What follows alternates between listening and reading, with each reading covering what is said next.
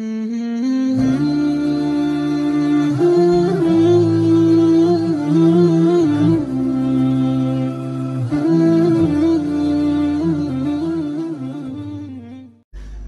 ba'dihim rahmatullah alaihi diceritakan oleh orang lain. Annahu qal kullu ma yushaghiluka 'anillah azza wa jalla fa huwa 'alaika mas'um apa saja yang membuat engkau lalai dari Allah? Apa saja yang membuat kamu tidak ingat kepada Allah? Tidak ingat diberi oleh Allah? Tidak ingat diajarin oleh Allah? Tidak ingat diselamatkan oleh Allah? Sibuk dengan kausalitas saja fahuwa alaika mas'um itu merupakan bencana bagi kamu. In syaghalaka dzikruhu anhu fahuwa alaika mas'um kalau kamu berzikir saking sibuknya hilalo hilalo sampai kamu lupa kepada Allah yang sebenarnya sibuk dengan berzikirnya saja itu juga bencana buat kamu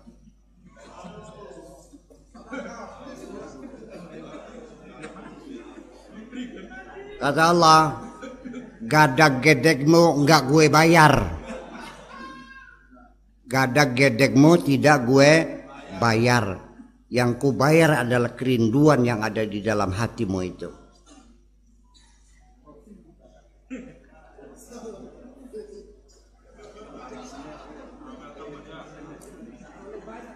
Lah ya itu persoalan.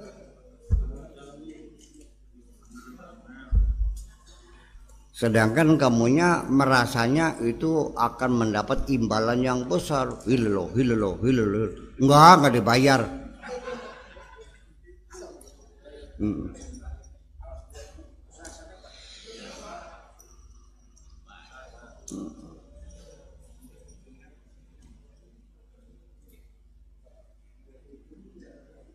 Wis paham beli yang kubayar adalah kerinduan yang ada di dalam hatimu. Kesahduan hatimu itu. Paham nggak? Yang kubayar adalah kesedihanmu itu. Ya. Apalagi engkau menyebut nama Tuhanmu sambil bermain-main dan sambil bernyanyi-nyanyi. Aku tidak berkenan sambil berlagu ya Robbana ya Robbana tak tampak sih lah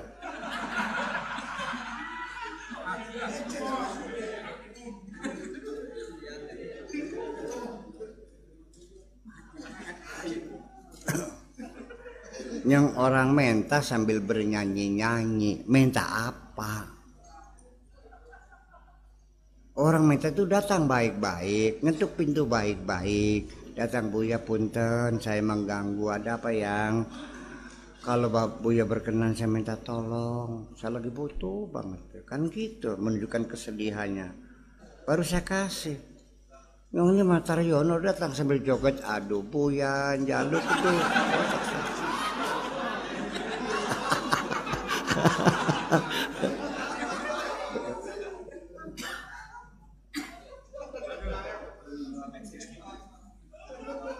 tak baik kalau bakyak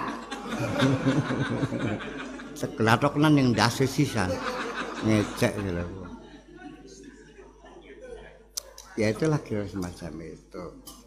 Jadi kalau doa-doa yang dibaca dengan lagu-lagu itu mah namanya doa seremonial. Doa pantas-pantas sebagai penutup acara doa seremonial pantas-pantas untuk penutup acara yang keempat adalah doa ditutup oleh Bapak Kiai Haji Taryono. Dipersilahkan. Itu. Doanya setengah jam gak selesai-selesai. Ya sampai doa kunut dibaca doa akasa nur buat dibaca semua. Ketika ditanya kamu minta apa? Nggak tahu udah nggak ngerti kok. Iya. Fahuwa alaika masyum. As-salatu was-saumu wal hajju sekalipun salatmu, puasamu, hajimu, wa jami'u af'alil khair, segala kebaikan yang kamu lakukan.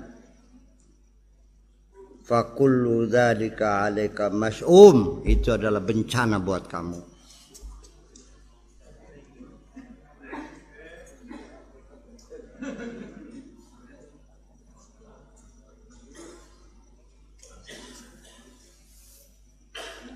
Kalau itu hanya seremoni-seremoni yang kosong sama sekali hatimu tidak mengingat Allah.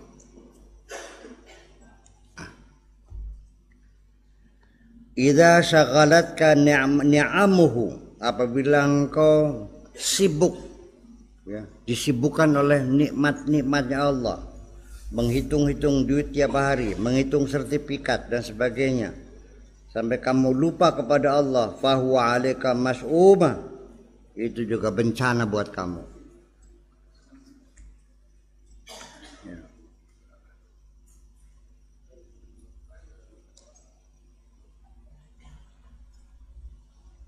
qabalta ni'matahu bima'asihi. Kau jawab kenikmatan Allah dengan kemaksiatan-kemaksiatanmu itu. Kenikmatannya bukan untuk ibadah tapi untuk maksiat untuk melawan Allah.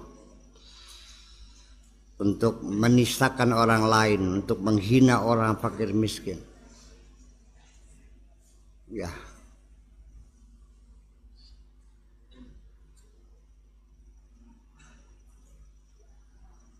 waruju fil mahammati ila ghairihi. Dan akhirnya semua tugas yang dilakukannya kembalinya bukan kepada Allah kepada selain Allah semua kok. Untuk mertua untuk segala macam untuk atasan untuk bawahan untuk tetangga. Untuk para konstituen konstituen semuanya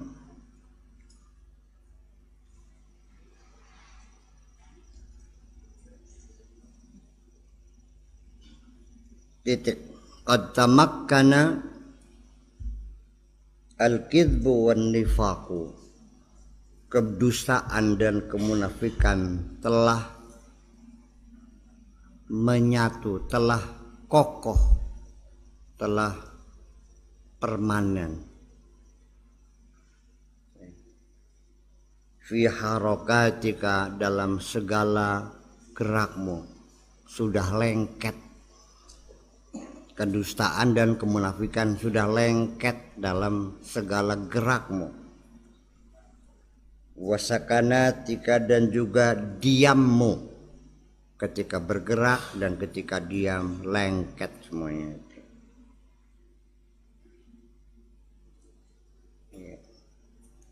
wasuratika dan juga surahmu, bentukmu, gambarmu, rupamu. Wa ma'naka dan maknawimu spiritmu. Filailika wa naharika baik siang maupun malam. Semuanya dalam kedustaan semuanya.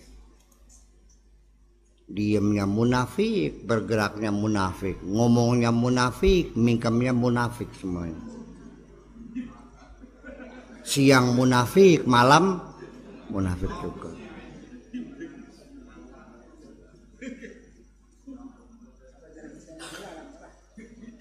Qad ihtala 'alaika syaitan. Setan sudah mampu menyelewengkan kamu. Wa laka al-kidba wal a'mal al-qabihah. Setan sudah berhasil menghiasi memoles-moles, memik up kedustaanmu itu. Dan memik up amal al-qabihah perbuatanmu yang buruk itu di make up oleh setan sehingga kelihatan cantik semuanya itu.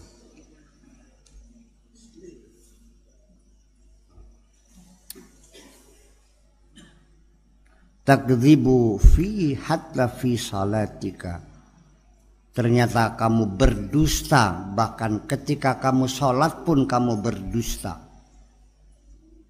Bohong semuanya li'annaka taqulu Allahu akbar. Mulutmu mengatakan Allahu akbar. Wa takdzibu tapi kamu bohong juga. Lianna fi qalbika ilahan ghairu karena di dalam hatimu ada Tuhan lain.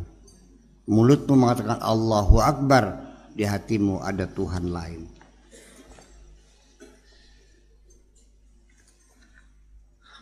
Berapa banyak Tuhan ribuan Tuhan dalam hatimu?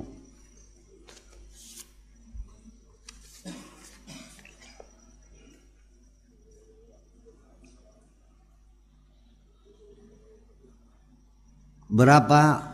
Silakan hitung. Kullu ma ta'tamidu alaihi fahuwa ilahuka. Apa pun yang kau andalkan itulah Tuhanmu. Berapa yang kau andalkan? Atasanmu, mertuamu, kiaimu, santrimu, uangmu, wibawamu, pengalamanmu, semua apa pun yang kau andalkan itulah Tuhanmu termasuk ilmu. Mengandalkan.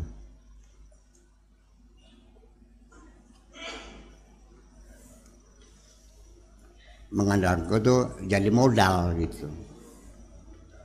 Ya merasa bangga oh, hartanya banyak. Ya sehingga yakin aku bisa beli apa saja. Berarti hartamu begitu bisa beli apa saja ya Tuhan juga.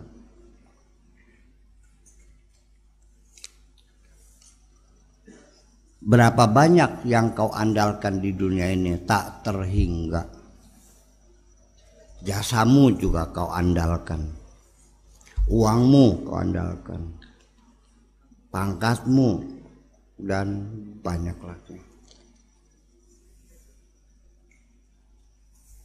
Kalau ditanya orang langsung dengan sombongnya berapa sih? Kecil. Apa pun yang kau banggakan, yang kau andalkan, yang kau puja-puja, yang kau sanjung-sanjung, itu adalah Tuhanmu. Silakan malam ini dibikin daftar Tuhan-Tuhan yang ada di dalam hatiku satu.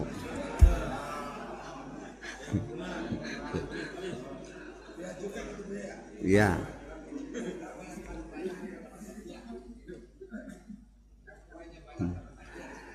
Iya, selama ini. Syekh Abdul Qadir Al Jailani ngomongnya keras tapi benar. Sehingga ketika dia masih hidup banyak yang membenci para ulama-ulama sok nih sengit kabek ini Kenapa? Dibongkar semuanya. Nggak ada urusan. Mana takut? Yang ngomong sebenarnya gitu. Iya. Iya. Silakan dibongkar, tapi asal jangan menyebut nama orang. Paham nggak? Nama itu melanggar etika, namanya pencemaran nama pasal berapa? ah, 212. Acok 212. Itu mah reuni Ya. Kullu syai'in takhafu minhu.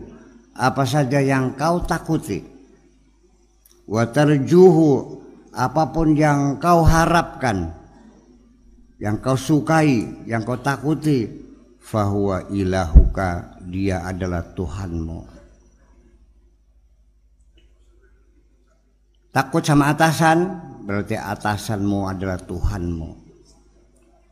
Takut sama istri, berarti istrimu adalah Tuhanmu.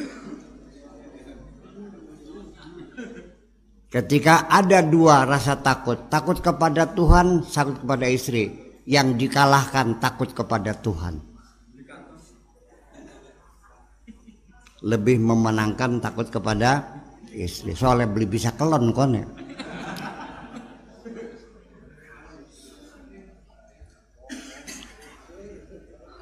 Paham? Ada di sini yang Tuhannya istrinya? Bokat beli paham nganggo dengan bahasa yang gamblang. Siapa sing kalan yang rabi?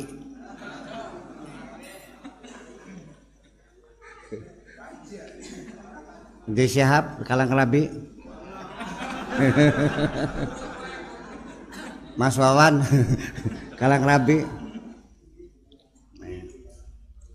Silakan jawab sendiri aja. Saya tidak menuduh Anda, saya bertanya kok. Iya.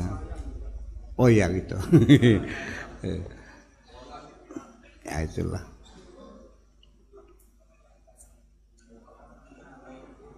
Iya. Qalbuka la yuwafiqu lisana. Hatimu tidak sama dengan lisanmu. Mulutnya lain, hatinya lain. Mulutnya bilang subhanallah, hatinya subhana ana. Mulutnya bilang Allahu Akbar, hatinya ana akbaru. Mulutnya bilang la haula, hatinya li haulun. Mulutnya wala quwata, hatinya mengatakan li quwatun. Hati mengatakan subhanallah, hati mengatakan subhana ana. Iya. Terasa enggak? Ya. Semoga Allah mengampuni kita semuanya. Tahu. Kalau orang yang memusyrik-musyrikan orang lain mengerti ini berhenti mulai malam ini memusyrik-musyrikan orang lain. Ya. Peragat kabekin ke. Iya. Orang kalau Tuhannya lebih satu musyrik bukan namanya. Ya, iya.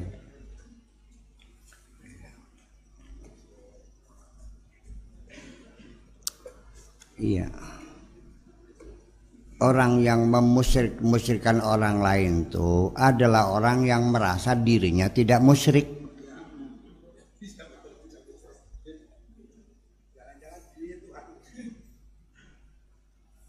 Orang yang menyumpahi orang lain dengan neraka-neraka itu orang yang meyakini dirinya pasti masuk. Nah, cocok.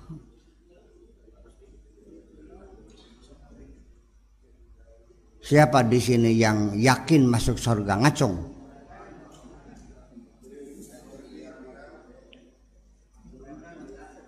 Ya sudah kalau kamu kalau kamu tidak bisa mengatakan aku yakin masuk surga. Ya sudah jangan ngapir-ngapirin orang dong. Itu aja. Itu urusannya Allah kok. Urusan Allah. Musyrik kafir urusannya Allah. Allah yang tahu. Iya kan? Itu dan itu tidak elok gitu. Iya kalau setuju, kalau enggak ya silakan. Saya bolehkan, saya izinkan Anda mengkafir-kafirkan orang boleh silakan. Kader engkau ya bebalikan nih ngawak ira dewa kader Iya kan gitu. Saya jujur saya tidak yakin saya pasti masuk surga. Hanya ada ada kemungkinannya saya ini bisa selamat, bisa cilaka. Itu aja kok. Kedua-duanya adalah mungkin. Untuk itulah kalau kita yakinnya seperti itu, berarti kamu pasti nanti terdorong untuk selalu minta ampun kepada Allah itu aja. Lo kalau kamu yakin masuk surga, ngapain minta ampun? Ya pasti. Tanpa ampunan, aku pasti masuk surga gitu. Itu aja.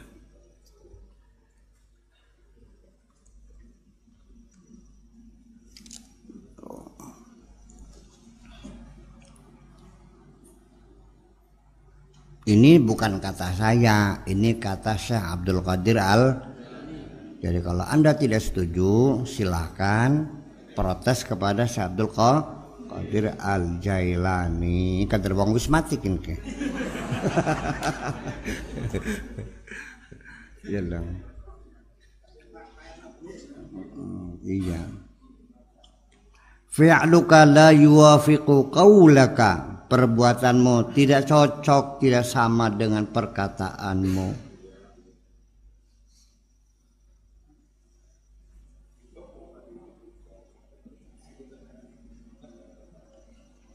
Qul Allahu Akbar alfa marrah. Katakan Allahu Akbar seribu kali. Biqalbika dengan hatimu. Wa marratan bilisanika. Sekali saja kau katakan Allahu Akbar dengan li, dengan lisanmu itu. Katakan seribu kali Allahu Akbar yang keluar dari hatimu. Katakan Allahu Akbar sekali saja yang keluar dari mulutmu itu. Jangan dibalik. Kafir. Oh takbir.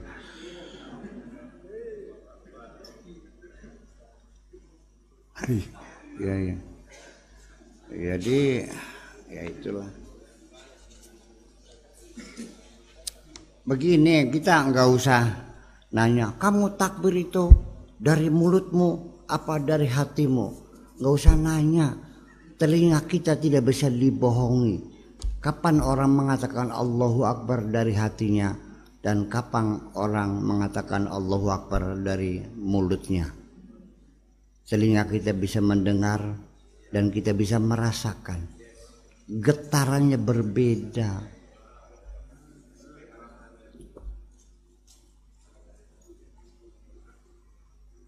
Iya saya bisa membedakan orang perempuan bilang aku cinta kepadamu niatnya ngeret paham saya. Dengan perempuan yang bilang aku cinta kepadamu dengan tulus saya paham. Getaran suaranya berbeda. Iya.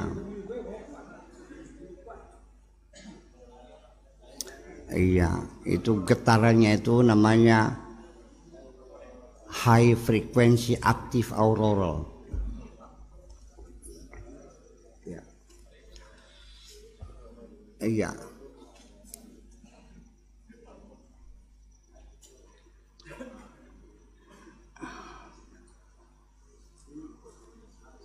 Auroral aktif ya high frequency frekuensi tinggi dan aktif Artinya bisa mendorong mantel bumi. Ya. Pelindung bumi, langit bumi yang melindungi ini bisa didorong dengan. Tuh. Iya, seperti karet ditarik gitu. Begitu dilepaskan dia akan turun lagi. Situlah lautan pun terbelah terjadilah tsunami. Itu. Tsunami di mana? Di dalam hatimu sendiri.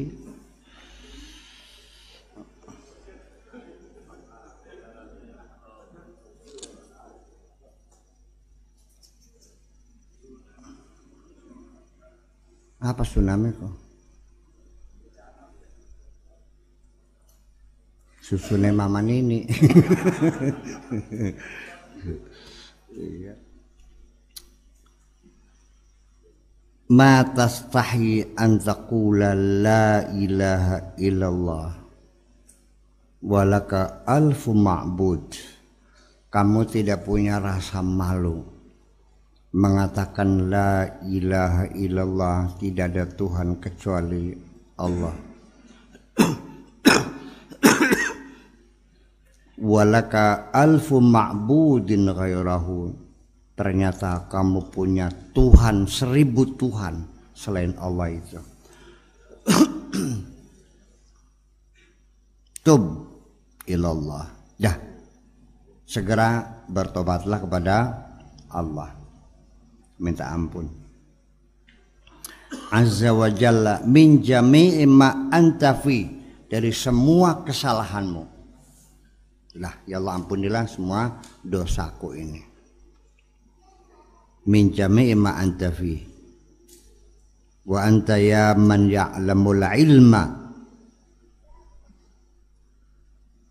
Dan juga kamu wahai orang yang mengerti ilmu. Waqad qana'a minhu bil ismi kamu merasa puas dengan isim dunal amal tanpa amal kamu hanya puas dengan ilmu-ilmu itu ilmunya kosong tidak pernah diamalkan. Hanya formalitasnya saja ilmu. Isyan fauka apa yang akan memberi manfaat kepadamu?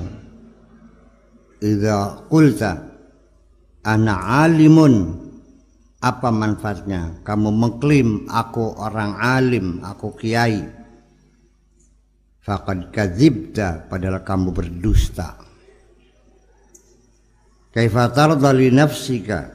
Bagaimana engkau merasa puas terhadap dirimu? Annaka ta'mur ghairaka kamu suruh orang lain bima la ta'malu apa yang tidak pernah kamu lakukan. Beli isin dari jarkoniku apa jarkoniku iya iya. Iya calo ya calo itu ngundang-undang orang Jakarta Jakarta Jakarta semua naik mobil. Dianya emang enggak.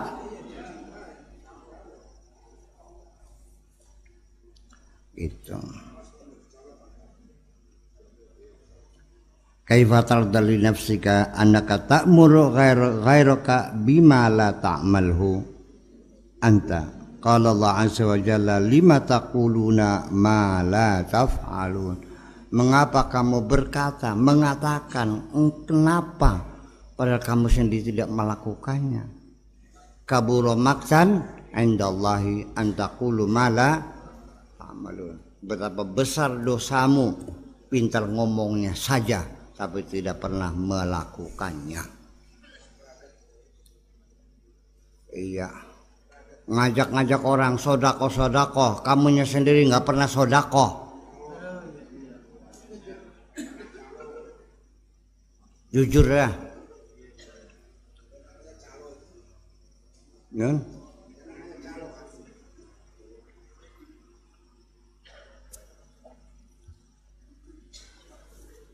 kamu bayangkan si Abdul Qadir Jalani kayak apa? Omongannya segini galaknya. Kalau orangnya kayak apa ya kan? Ya, kayak petegasnya itu orangnya ya ini pun baru mereka sadar bahwa Syekh Qadir Jalan itu waliullah tuh setelah meninggal dunia. Telat. Wis telat. Ai jajakan kawali ji. Konon Nun? Us mati dong. Dan biasa model telat itu selalu terjadi di dunia. Ya seorang istri yang makan bersama tidur bersama setelah mati baru paham bahwa suaminya itu minas solihin ai jadi lakinya kita uang bener semana kah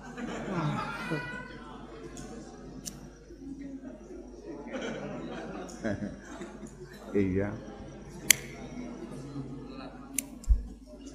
Salat maning baik.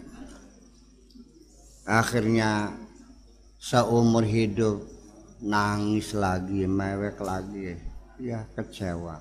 Kenapa aku tidak memuliakan suamiku dulu iya.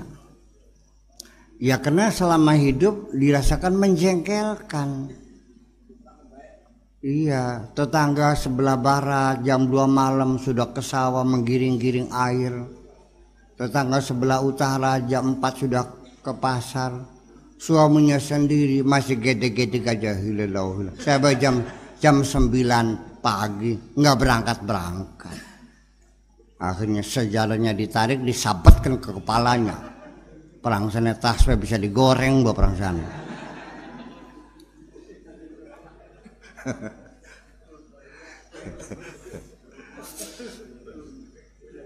Saya nggak ngarang nih bener terjadi begitu. Ya ada tapi jangan disebut namanya ya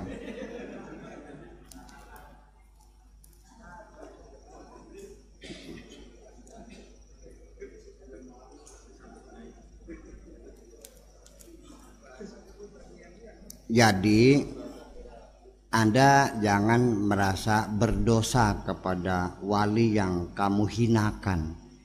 Malah walinya senang dihina kamu tuh dengan adanya kamu menghinanya berarti dia semakin aman semakin tersembunyi dalam bercinta dengan Allah.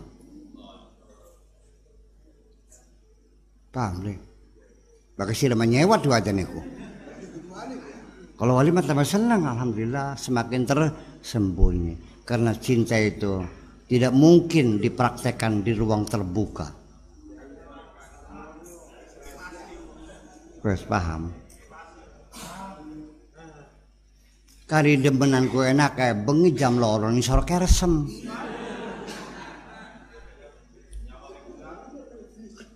Wes paham. Yang tahu mungkin kamu belum pernah merasa kemesraan sih ya. Dengan istri pernah mesra nggak lo? Nah?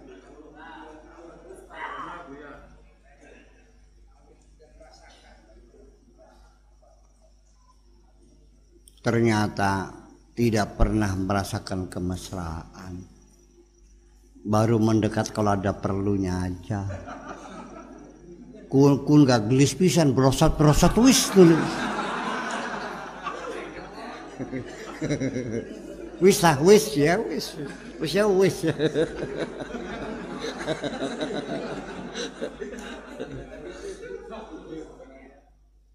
Iya. Ya tanpa pemanasan tanpa belayan kemesraan nggak ada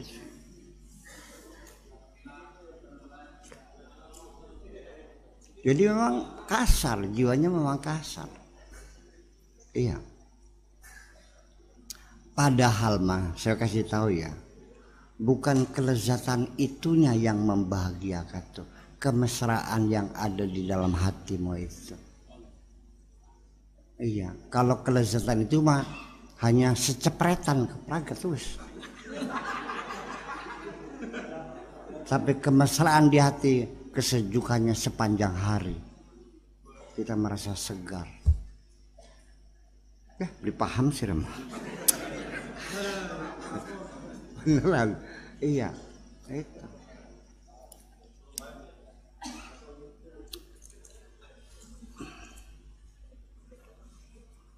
Mm -mm.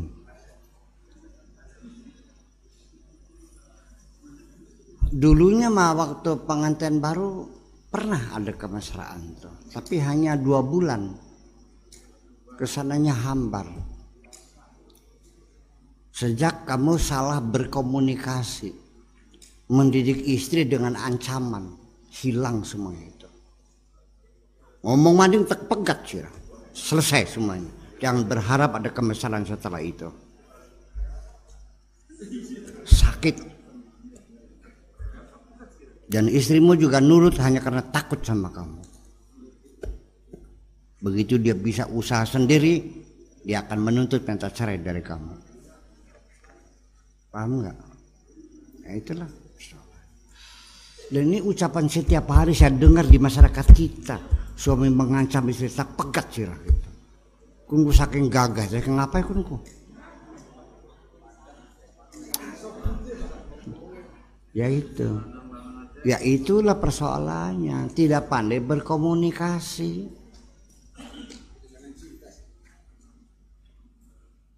Iya. Kadang-kadang juga bukan ancaman sampai berupa hukuman tampar tak dan dia tidak merasa berdosa karena ini perintah Tuhan. Tertampak sih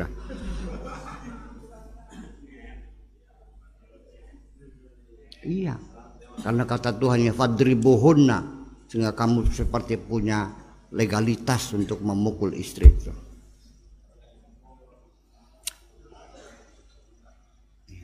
Jadi artinya ya sulit rasanya membangun kebahagiaan rumah tangga kalau menggunakan paradigma seperti itu. Ayah, saya enggak, saya enggak yakin Allah menyuruh kamu mukul istri kok. Enggak. Bagian kalau duit gak boleh nya tas segepok duit 10 juta tapi mau nih gitu. Ibu-ibu seneng gak ditampar pakai uang bu? Bu jawab bu. Seneng gak ditampar pakai uang sakit sama. Apalagi namparnya iya duitnya nggak ada.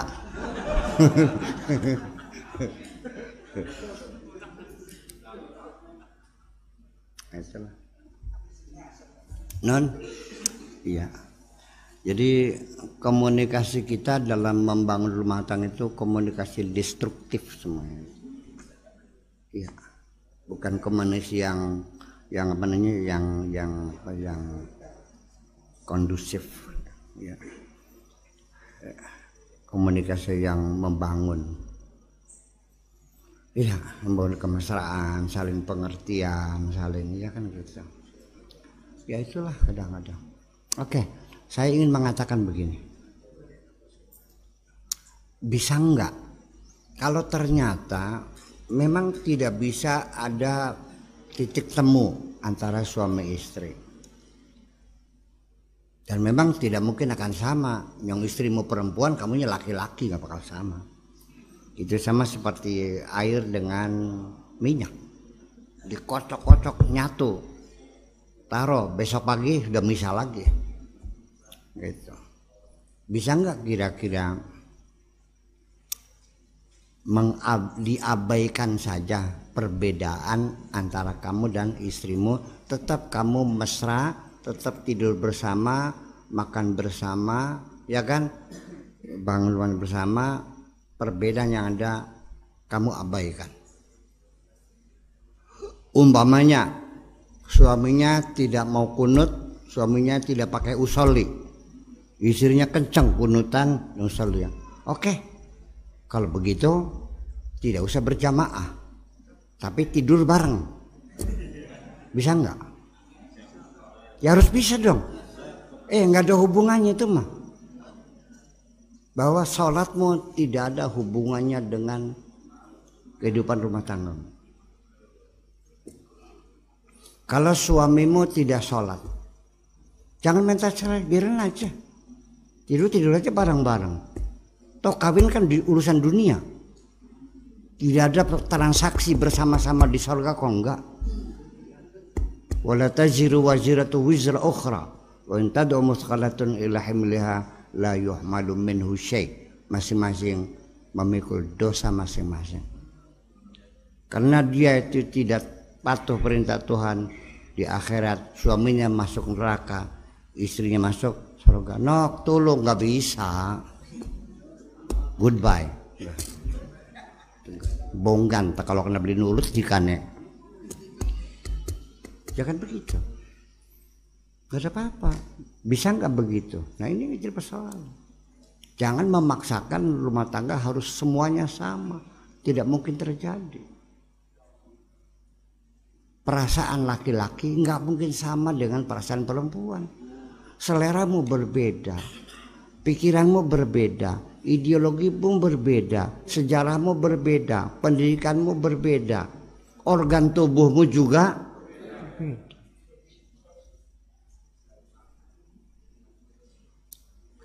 Jadi masih ada rumusan baru. Tetapi rumusan apa pun satu persyaratannya harus dilandaskan pada kesetaraan dulu. Tanpa kesetaraan rumus apa pun sulit. Non? Standarnya laki perempuan setara enggak? Gimana setaranya? Laki-laki boleh kawin sendiri, perempuan harus pakai wali. Tidak bisa menentukan. Laki-laki tidak bisa dipaksa, perempuan boleh dipaksa. Sebelum rumah tangga, laki-laki berusaha, perempuan berusaha harus minta izin sama suaminya. Sholat berjamaah pun harus minta izin suaminya. Dan harus mengharapkan hanya pemberian sang suami Kemudian ketika suaminya sudah bosan, dicerai kapan saja jadi. Di mana kesetaraannya?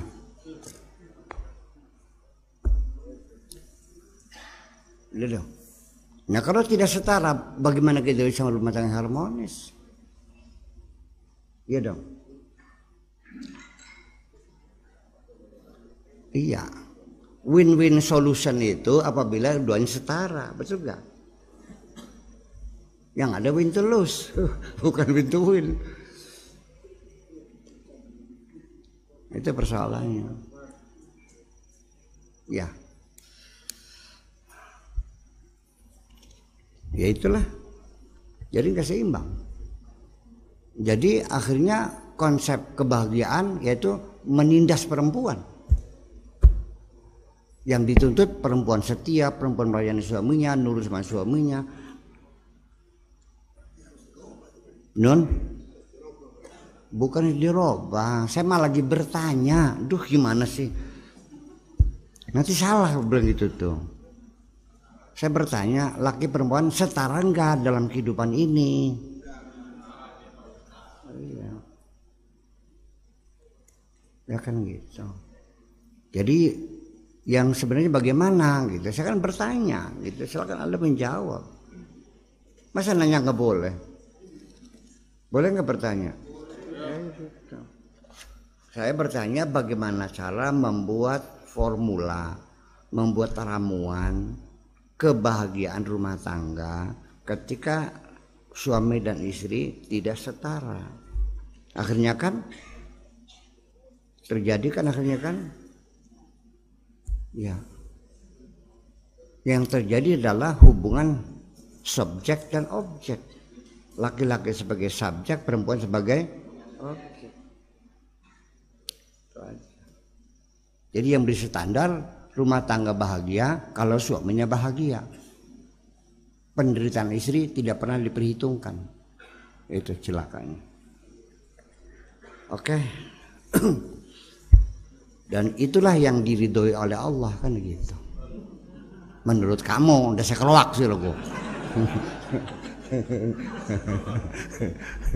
Saking mengkeles sih. Jadi ya seperti itulah kira-kira. Ya semoga Allah mengampuni kita semua. Gimana? Soalnya kita hidup di Indonesia. Paradigmnya beda, filosofinya berbeda, tradisi berbeda, peradaban berbeda, tuntutan berbeda, geografis berbeda, semua berbeda. Lalu dipaksa hidup seperti orang Arab di sana, ya beli taji.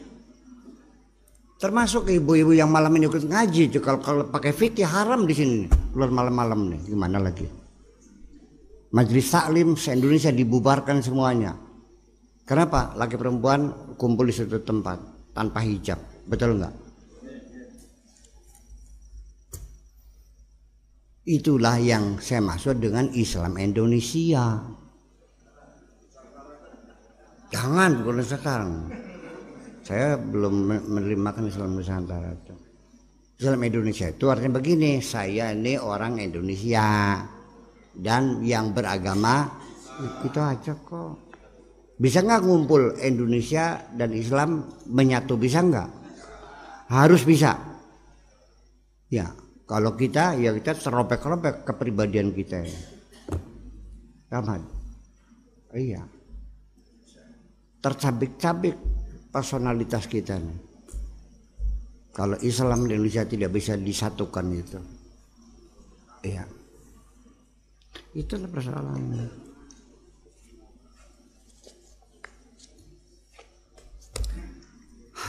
Anggal teman ngomong ke eter ya. Saya ngomong salah ke sini.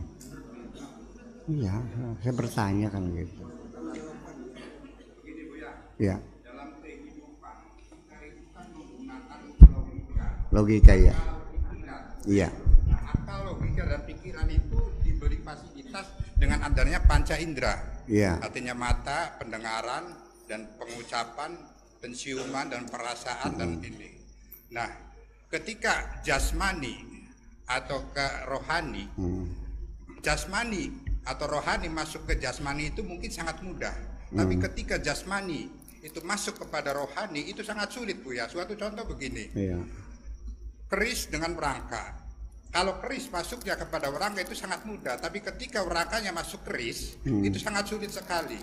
Nah, yang dimaksud yang dimaksud tadi bahwa adalah konsep daripada artinya menyatukan ke jasad dan apa ke rohani itu maksudnya kan begitu. Dan kedua juga ada yang mengatakan penyat, nah, apakah penyatuan antara jasmani dengan rohani itu Bu ya? Atau yang tadi atau jasmani masuk kepada rohani itu sangat sulit ketika tanya Bu ya. Ini kenyataan di lapangannya begitu Bu ya. Kenyataan di kita melihat Eh, begini. jasmani. Kalau kita lihat firman Tuhan, wa idza sawaituhu wa nafakhtu fihi mir ruhi. Berarti roh itu ada di dalam jasad, bukan jasad di dalam roh. Ya. Di dalam jasad ini. Jadi roh kita ini terbelenggu di dalam penjara jasad ini. Makanya kalau ingin orang rohaninya bangkit, ya jasadnya jangan dimanjakan. Itu dikendalikan. Kalau enggak ya terpenjara.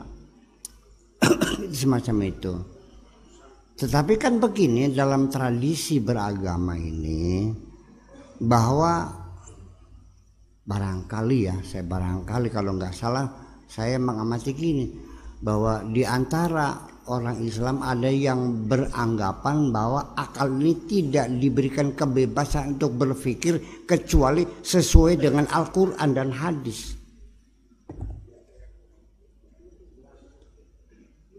Ketika berlawanan stop, tidak ada kebebasan. Pokoknya itu. Ini kan jadi persoalan. Nah, itulah makanya begini, Nabi Muhammad itu adalah nabi terakhir. Khatamul Anbiya wal Mursalin yang dinyatakan la nabiyya ba'dah. Setelah itu tidak ada nabi lagi. Sebetulnya kan dipahaminya mungkin seperti ini. Berarti setelah Nabi turun itu artinya kamu sudah harus disapih. Sudah berhenti sampai sini aja. Sudah ke sananya kamu tidak boleh selalu bergantung kepada wahyu. Karena pemikir manusia sudah dewasa. Silakan berpikir dengan otakmu, jangan bergantung kepada wahyu saja. Kenapa tidak dimaknai begitu? Non?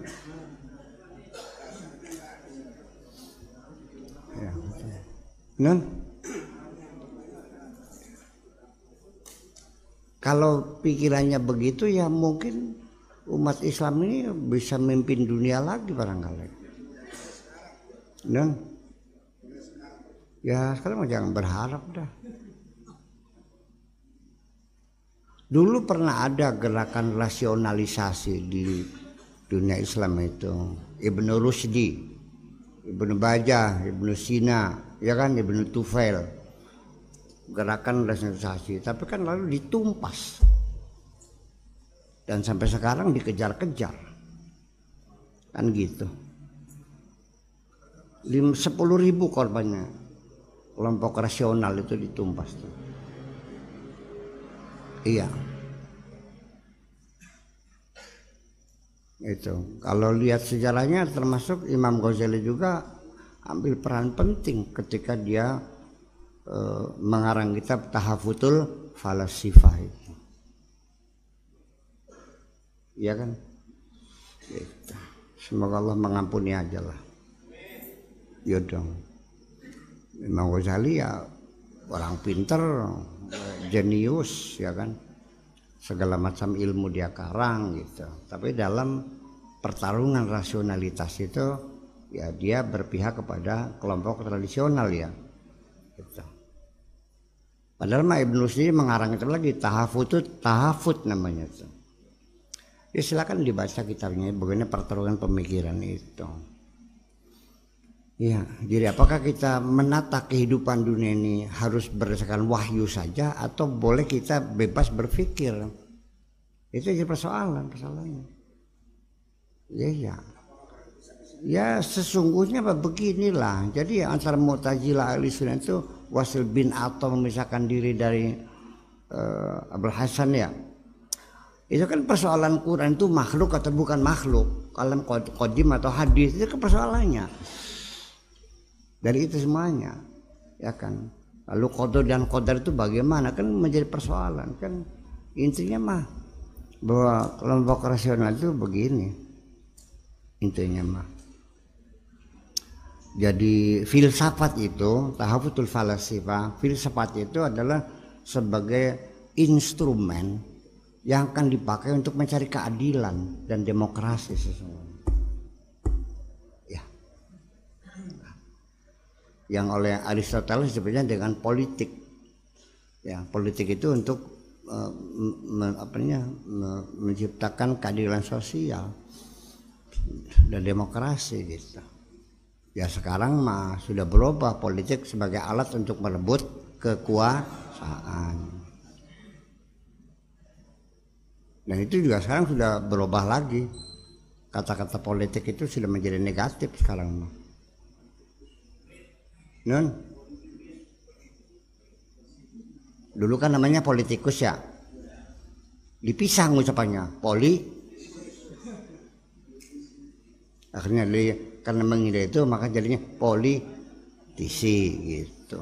Kalau dulu kan politikus ya. Dibacanya dipisah, poli. makanya diganti menjadi politisi jadi sebabnya diganti politisi karena nggak nyaman diucapkannya iya dong masa tikus poli tama poli andri poli ya poli tama ya poli andri poli gami poli jadi kalau politikus artinya banyak tikusnya gitu nah itulah kira-kira itu sebabnya kenapa diganti jadi politisi supaya bahasanya jangan dipisah gitu. Itu alasan bahasa dong. Iya dong.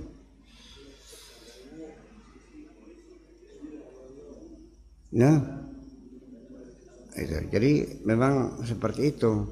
Jadi jadi keris itu adalah rohnya apa sarungnya kerangkanya itu namanya jasadnya dimasukkan selabu dan nafaktu fi mirrohi di dalam jadi roh kita ini terpenjara di dalam jasad kita kalau jasadnya dimanja terus semakin dimanja semua kini dituritin semua. Ya rohnya semakin kelenger. Akhirnya beli urung bener akhirnya. Ya. Tertindas. Ketika jasad kita tindas bulan puasa saja nggak harus puasa 40 hari nggak makan nggak minum ya. Puasa biasa saja sebulan puasa. Kita kan muncul kepedulian sosialnya kesian sama orang miskin tuh tangga nggak punya beras dikirimi beras Ya kan? Begitu selesai puasa, nongol mana aja medite. gitu.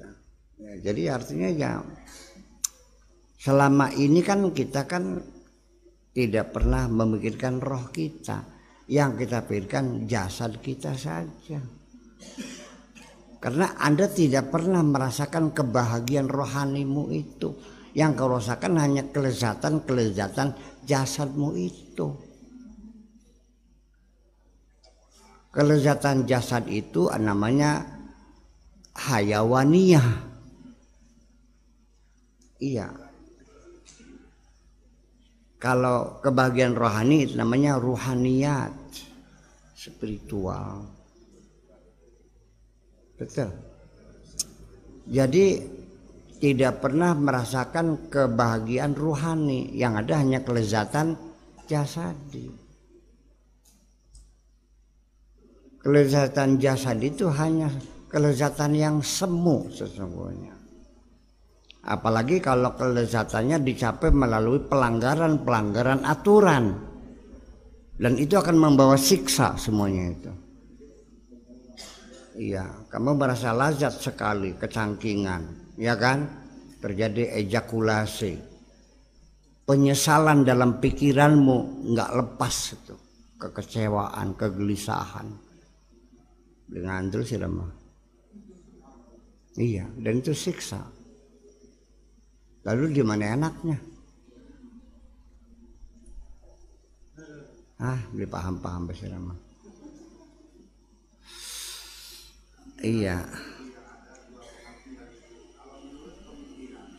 Itu Syekh Abdul Qadir Jailani itu mungkin artinya uh, jasmani kita itu harus ditekan sehingga menjadi bahan dan rohani. Nah, hmm. ketika Buyah menjabarkan bahwa itu ada sesuatu persamaan atau penyatuan antara jasmani dengan rohani. Begitu kan barangkali kira-kiranya begitu Buya. Ya iyalah, artinya begini. Saya juga tidak uh, bermaksud untuk menindas jasmani total sehingga tidak bisa berkutik lagi. Ya artinya sampai kawin ditinggalkan karena nanti kelezatan kelezatan seksual itu bisa membuat gersangnya rohani tetap rohani juga kebutuhan pokoknya dipenuhi. Jadi Islam itu tidak memberi nilai plus kepada orang yang tidak kawin-kawin, tidak. Bukan orang yang hebat orang yang tidak kawin itu. Asalkan disalurkan secara aturan yang benar. Melamar sama ibunya, dikawinkan baik-baik, ada aturannya, silakan Anda menikmatinya ketika kenikmatan jasa di anda itu sudah aturan rohani juga ikut berbahagia. Gimana lagi? Betul? Nah makanya kan la rahban la rahbaniyata fil Islam. Rohbani itu nggak ada dalam Islam. Jadi yang hebat bukan yang tidak kawin yang hebat yang kawin disalurkan. Kawin lagi lagi bu yang belum kawin jangan tersinggung. Tidak ada maksud untuk mendiskreditkan yang tidak kawin. Iya. Karena orang tidak kawin pun bisa dibenarkan ketika alasannya begini. Banyak ulama solehin yang tidak kawin. Karena kalau dia itu punya istri merasa terganggu peribadatannya. Iya iya boleh begitu itu berarti dia termasuk makhluk rohaniin gitu. Makhluk rohani. Ya rohaniawan kan gitu.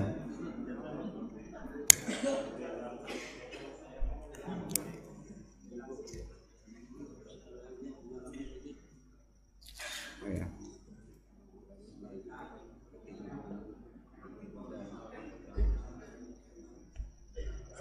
begini makan ada nikmatnya minum ada nikmatnya hubungan seksual ada nikmatnya rohani pun juga sama juga ingin mendapatkan kebahagiaan juga sama. Iya kan? Dan tidak boleh rohani juga ditindas juga.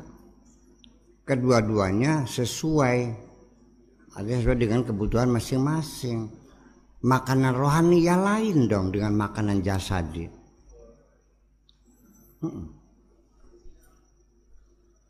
Dan itu tidak mungkin terpisah. Orang yang rohaninya sakit, jasadnya pasti sakit. Orang yang jasad sakit, rohani juga ikut sakit juga. Taryono digentong, tak obong gentongnya panas beli. Lo kan beli panas.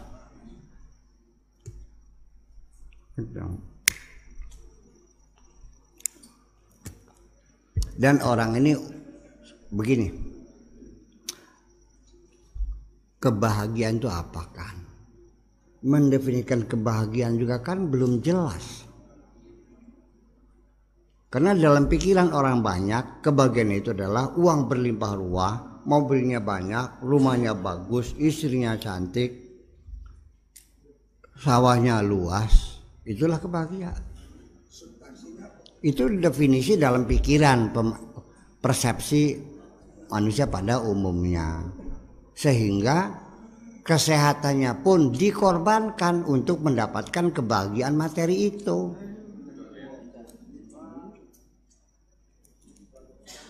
Sudah tahu sekarang lagi musim penyakit AIDS. Untuk mendapatkan bisa bikin rumah beli sawah, ya terpaksa ke Jakarta, dicat merah rambutnya kan gitu. Nah, sudah beli rumah, beli sawah, beli mobil, terkena penyakit AIDS, di mana enaknya? Itu kan di depan mata kita. Masih banyak orang yang e, mencari materi dengan mengorbankan kesehatan Ya kan? Nah, sekarang kalau orang itu rohaninya sehat, ya kan gitu. Penyakit apa pun yang melekat di jasadnya tidak ada masalah. Rohani tetap bahagia. Bisa dibayangkan nggak? Di dunianya Anda lihat rumahnya gubuk. Makanya tiap hari pakai gesek. Tapi rohani dia sangat bahagia. Mala ainun ra'at wala udhunun sami'at wala khatara ala qalbi basharin. Kebahagiaan yang tidak pernah dilihat orang, tidak pernah didengar dan tidak bisa dibayangkan oleh siapa pun mereka mengatakan kalau raja-raja itu melihat kebahagiaan kami, pasti mereka cemburu dan pasti kami akan dieksekusi oleh mereka. Iya. Itu persoalannya. Nah, lalu kalau rohaninya Anda sehat, dijamin jasadmu tidak akan sakit.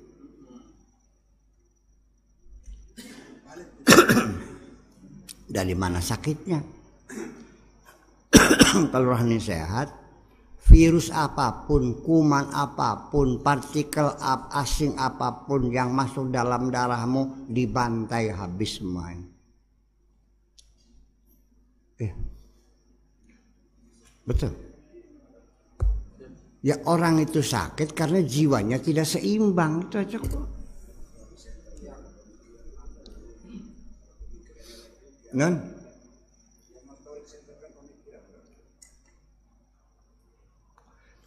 Orang lagi stres, rasa takut. Ada orang yang jiwanya damai. Makanannya sama. Sate, empal, sambal goreng, kerupuk, acar. Apa aja makanannya? Sate, empal, sambal goreng, acar yang ini makan lagi stres lagi susah. Yang satu lagi damai. Makan bersama. Tahu apa yang terjadi? Yang stres semua dimakan jadi sampah keluar semua. Tidak ada energi tidak ada vitamin tidak ada protein yang bisa diserapnya. Ditolak oleh jasarnya. Ya, silakan tanya dokter Iya. Karena mesin kita juga yang mengendalikan rohani kita. Gimana lagi? Nun? Ada, bilang aja lihat.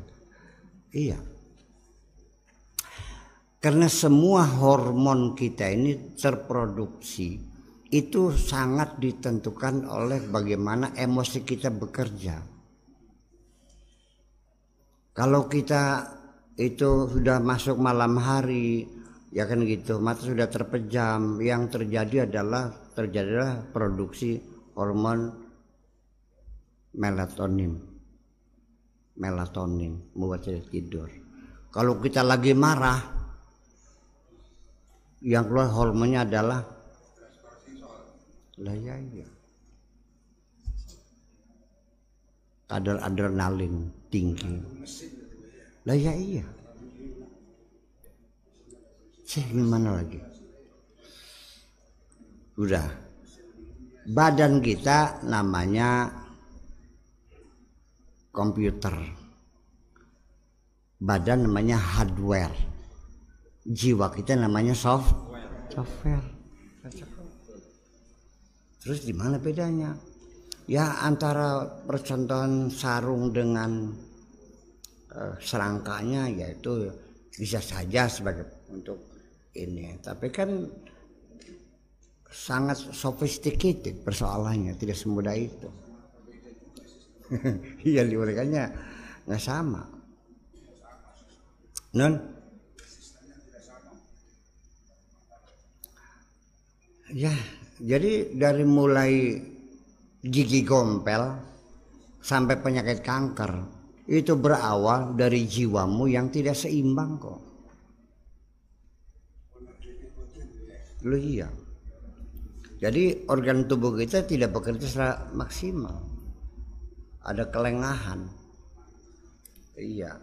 Pasukan tempurnya nggak jalan. BNPT-nya tidur. Densus 88-nya nggak bawa senjata. Ebinnya nggak mungkin tahu lagi pergi ke mana tuh ebinnya. iya. Ya semua tentara masuk. Ya semua musuh masuk. Ya kita dua para kabrik semua lah musuh tuh. Iya itulah persoalannya. Jadi gitu jadi artinya makanya beginilah. Pelajaran tasawuf nih sebetulnya saat bagi saya ini bukan bukan akibat keputusasaan terhadap dekadensi moral yang ada pada zaman itu orang berfoya-foya, tega-tegaan, kemaksiatan sehingga mereka mengasingkan diri ke pinggir-pinggir bukan. Tapi ini memang berburu satu konsep, satu antitesa. Ya kan gitu. Nah, maka mencari kebahagiaan yang hakiki itu aja kok. Dan yang sufi ini dibidah-bidahkan juga satu oleh alus syariatnya tuh. Ya. Jadi yang benar adalah syariat. Jadi itu sih kembali nanti pertempuran antar disiplin ilmu masing-masing ilmu mengklaim dirinya akulah ilmu yang paling mulia. Iya. Ya. Ilmu fikih mengklaim fikih adalah ilmu yang paling mulia. Mayuridillahu khairan yufaqihu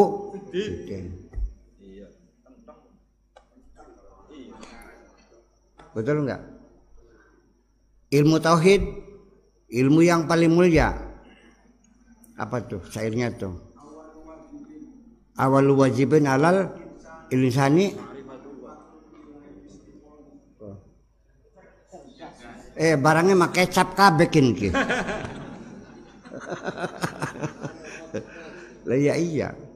Ilmu tafsir mengklaim paling hebat, ilmu nahu paling hebat gitu.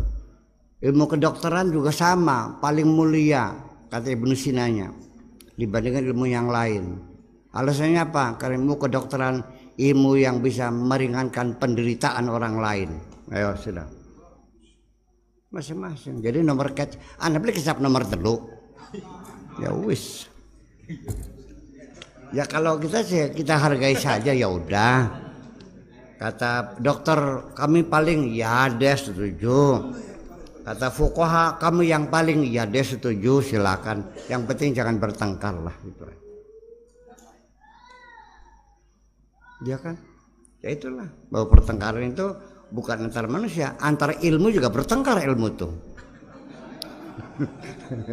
iya dan masing-masing ilmu mengklaim ahli sorga itu. kalau kalau bisa masuk sorga ahli sorga ilmu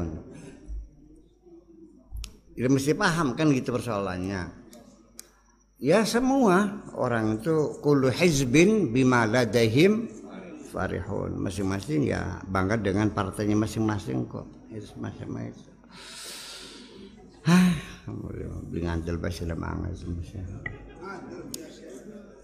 Nul banting andelek. Ayo surak. Iya, jadi ya memang jadi begini aja lah. Saya ingin uh, mengawinkan antara Indonesia dengan Islam. Islam Indonesia, Indonesia Islam sama setara mengawinkan psikologi dengan tasawuf. Jadi rasionalisasinya tasawuf itu dengan ilmu psikologi. Ya. Dari perkawinan itu nanti kita melangkah dengan meta psikologi. Ya, yang nanti di belakang jiwa. Di belakang fisika namanya meta fisika di belakang jiwa namanya metapsikologi ya. ya. Iya dong. Nah itulah nanti kalau metapsikologi itu bukan persoalan gejala, tapi itu sudah merupakan kerangka besar akidah, keimanan, kan begitu? Iya dong. Iya, yang bisa menggerakkan semuanya. Jadi jadi eh, kapan ide itu akan menyentuh psikomotorik? Ketika itu dialamatkan kepada metafisika, metapsikologi itu. Kalau masih dalam psikologi ya masih dalam pertarungan. Itu nantinya, tapi ini gagasan gitu. Orang masih masih bingung nanti ini maksudnya apa metapsikologi ini satone kayak apa kan iya sekarang jiwa saja sampai sekarang semua ahli psikologi psikolog psikiater sampai sekarang belum mampu mendefinisikan jiwa yang mereka pelajari adalah gejala-gejalanya saja Iya kan? Anda tahu besi ini punya magnet enggak? Enggak bisa dibuktikan. Enggak bisa di, enggak ada. Pakai mikroskop enggak kelihatan. Tapi bisa kita buktikan, kita tekan paku. Ketika ketarik, oh berarti ini mengandung Paham enggak? Iya.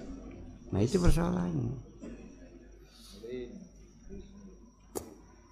Nah, ketika seseorang itu berani mengorbankan nyawanya, siap mati, kan sudah dihitung istrinya bakal jadi janda dan nanti kawin lagi kan? Rumahnya ditinggalkan kan? Dia akan meninggalkan dunia ini. Kenapa dia lakukan? Non? Iya kan? Betul enggak? dan kita menikmati negara merdeka, punya tanah air, punya kebangsaan, ya kan gitu, punya batas wilayah, punya kedaulatan. Ini adalah jasa mereka yang siap meninggalkan dunia ini, meninggalkan anak istri. Percaya nggak? Lah ya iya dan kita juga beragama Islam sampai ke sini berapa pahlawan yang menyetorkan nyawanya untuk sampai Islam sampai ke sini. Ini sudah bukan urusan jiwa ini lagi. Itu sudah ada di belakang jiwa itu. Iya. Iya, kalau jiwa mah kenapa dia menangis? Ya karena sedih. Kenapa air mata mengalir? Ya itu karena ada hormonal yang keluar. Ya, ya kan gitu. Ya kenapa? Karena emosinya tersentuh. Karena ada sesuatu yang menyedihkan, maka dia menangis. Ya sudah menangis. Tapi kalau suruh mati, entar dulu. lah iya kan gitu. Dan kita sendiri hidup sama di dunia, di ruangan yang sama, udara yang sama. Ya, seperti kita berada di dalam gedung bioskop. Ada orang yang nonton bioskop larut dalam cerita itu sampai nangis bareng. Nanti kalau lucu dia ketawa juga. Eh wong edan bikin ke. Ya kan? Tapi ada orang yang nonton gedung bioskop, dia tidak ikut nangis, Biar lucu dia nggak ketawa. Soalnya apa? Dia nonton matanya melihat tapi mulutnya makannya kuaci. ada nggak ada? Ada. Dia salah si penonton. Ada yang kadang-kadang larut gitu. Ya, kadang-kadang enggak. Begitu ceritanya lagi masalah cinta karena dia dengan pacarnya sambil meluk pacarnya di dalam bioskop ya kalau sedih dia nangis gitu. Kalau sedang lucu dia nggak ketawa. Separuh-separuh ntar masuk ntar keluar teman gitu. Di dunia kita juga sama. Ada orang yang melihat penderitaan dia terharu dia kasih uang sambil menangis. Ya Allah masa nggak makan? Ya sedih yang cuek ada nggak? Nah itu dia penonton sambil makan kuaci.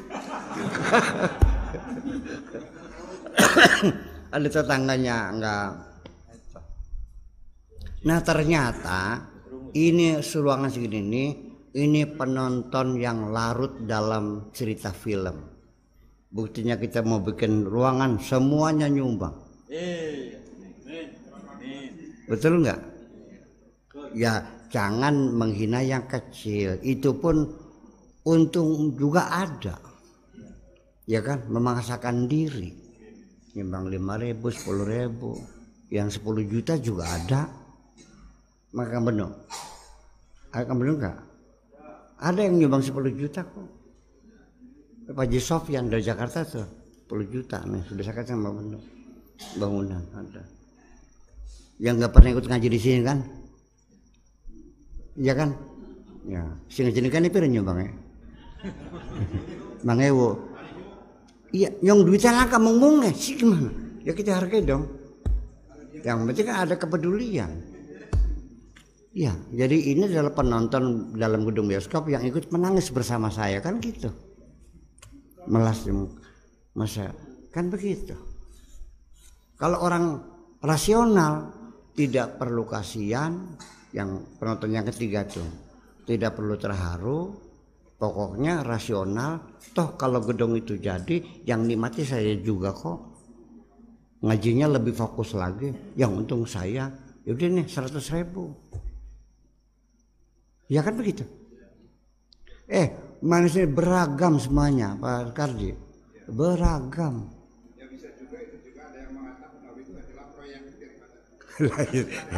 Ya itulah persoalannya. Sing totoannya anak. Kaji sang ya pondok ke bakal jadi ketok kuping. lah iya ada kok. Gimana lagi?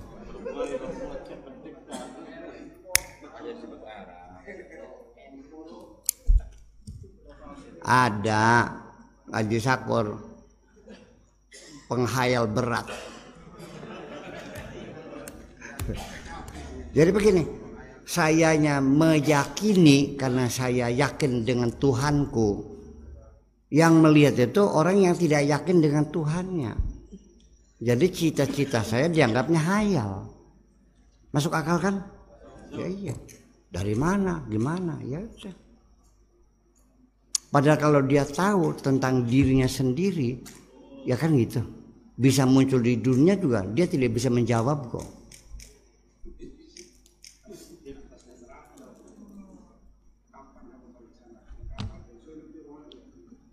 Iya, dari satu butir sperma yang nggak kelihatan mata, ya kan, seperti kecebong masuk dalam ovum, lalu jadi kamu kan. Bagaimana makan sehari-hari, nggak tahu kan? Di dalam perut ibu itu keajaiban yang luar biasa proses kejadian manusia. Dia tidak mau tahu. Dan dia tidak pernah mengakui kok. Aku keluar sendiri. Non?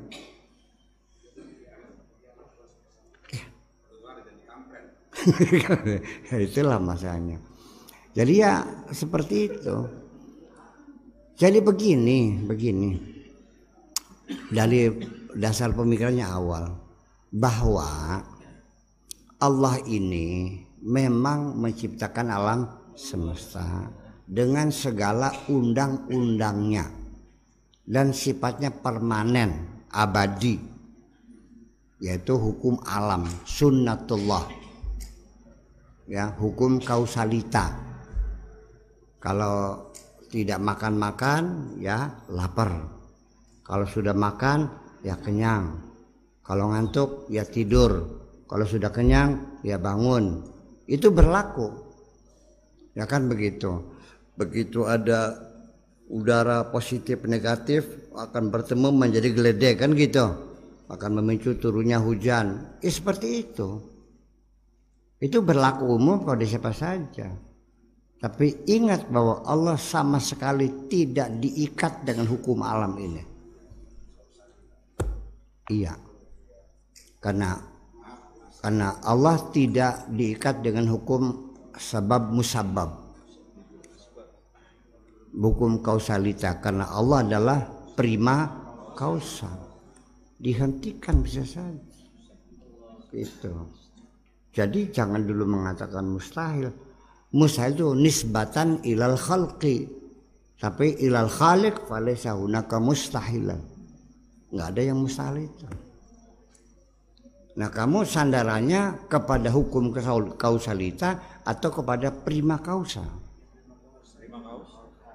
Orang yang berakidah itu orang hanya bergantung kepada prima kausa. Yaitu wa 'alallahi falyatawakkalul mu'minun hanya bergantung kepada Allah. Makanya tidak ada mustahil. Dan nasib itu juga dialami Nabi Muhammad disebut penghayal juga. Disebut orang gila juga kan? Ya menurut otak sehat orang zaman itu ya tidak disalahkan kalau mereka menuduh Muhammad gila tuh. Karena pakai otak mereka sendiri kan gitu. Dan orang sendiri menilai siapa pun berdasarkan kemampuan penilaian dia. Non? Ya mengukur dengan kemampuan dirinya sendiri.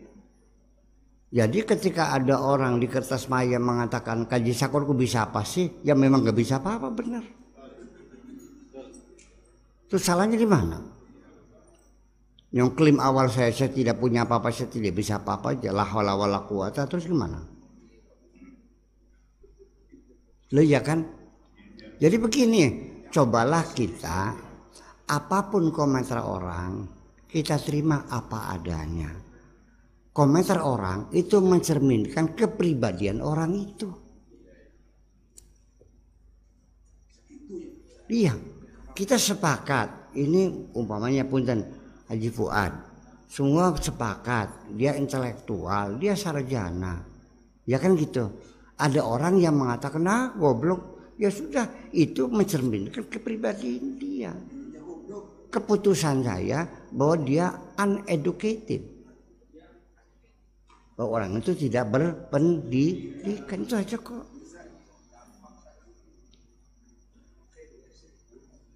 Hmm?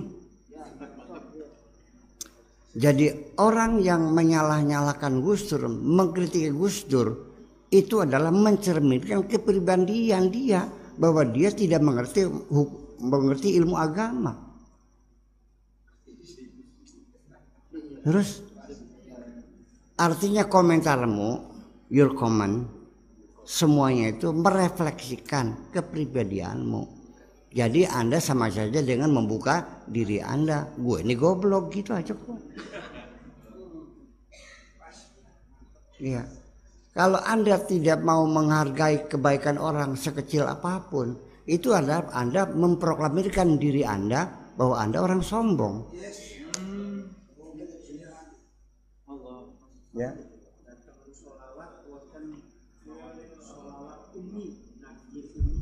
Iya.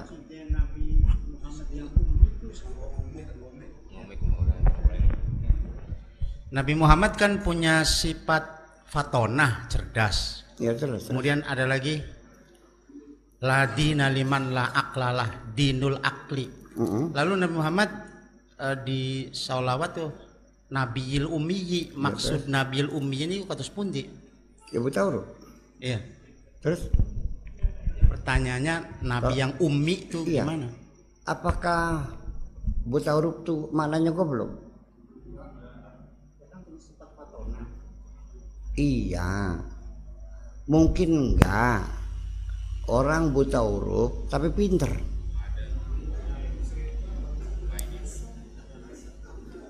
Ana wong buta huruf mobilnya Mercedes. Dosen motornya motor bodol.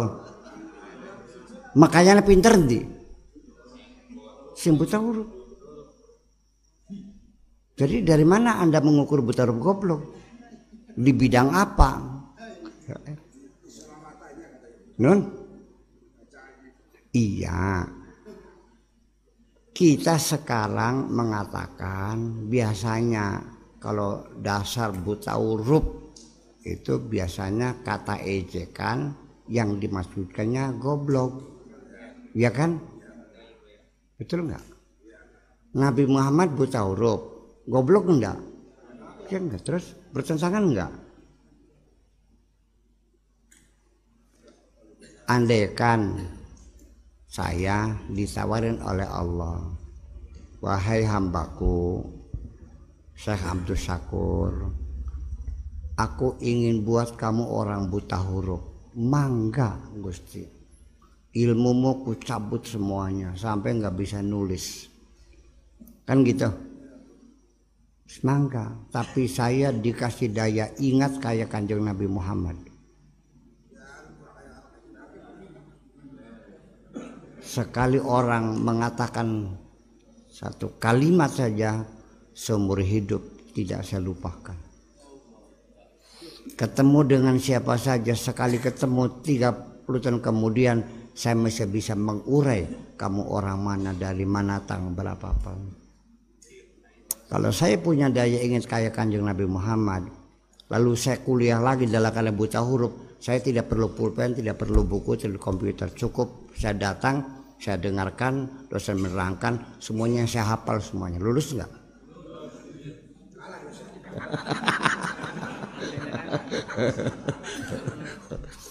ya, karena Nabi Muhammad sendiri pernah tergopoh-gopoh, takut barangkali kelewatan barangkali takut tidak hafal kata Allah jangan menggerakkan mulutmu jangan komat kamit sudah dengarkan saja inna sanukriuka falatansa Guys paham? Nun?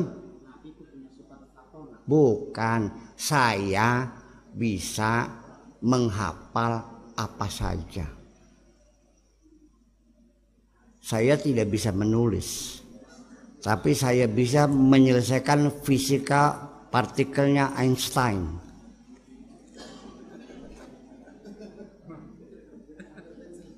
Kalau semua saya hafal semuanya saya goblok tapi pinter.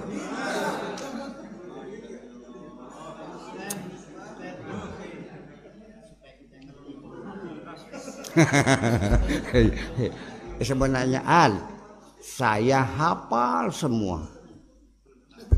Hafal semua fisika matematika. Nggak usah baca pokoknya guru ngomong saya hafalin buka radio saya denger hafal semuanya. Saya pinter nggak? Saya fatona nggak? Tapi saya buta huruf. Nggak apa-apa. Ya wus belum. Itu. tapi itu pun pada awalnya. Lama-lama Maya Kanjeng Nabi bisa baca juga dong tapi sifat uminya tetap melekat sekalipun dia sudah bisa baca ya iya dong awalnya iya orang nulis gitu sebetulnya mungkin itu hanya kiatnya Allah sajalah supaya orang maka percaya itu wahyu bukan karangan Sebab kalau nabinya itu bisa nulis nanti orang curiga ini karangannya Muhammad kan gitu. Itu aja kok.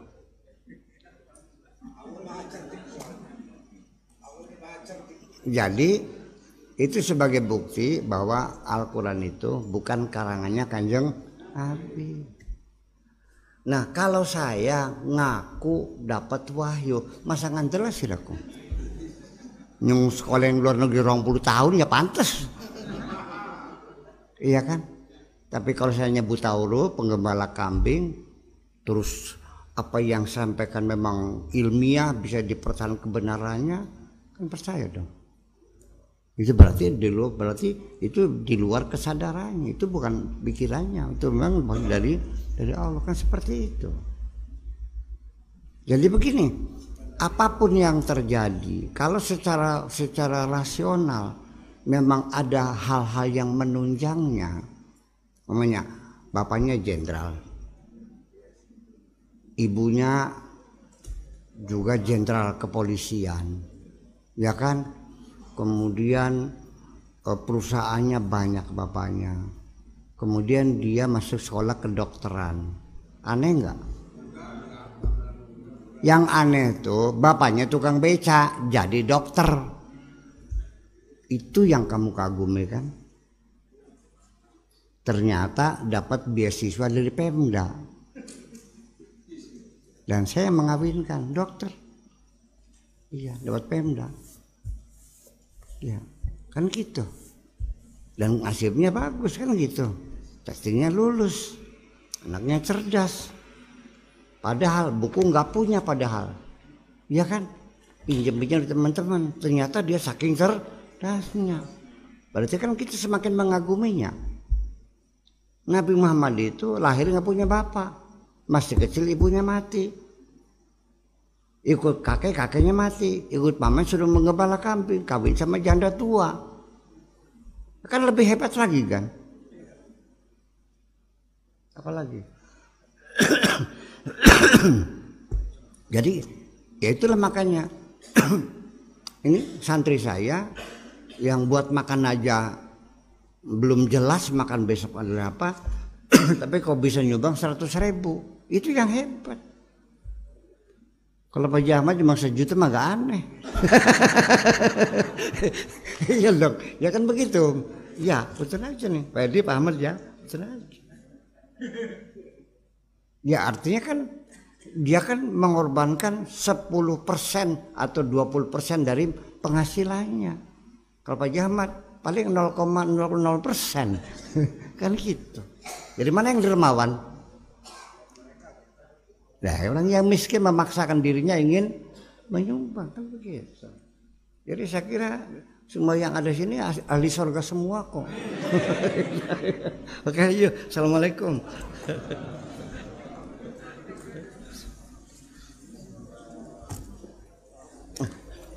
Halo, yuk.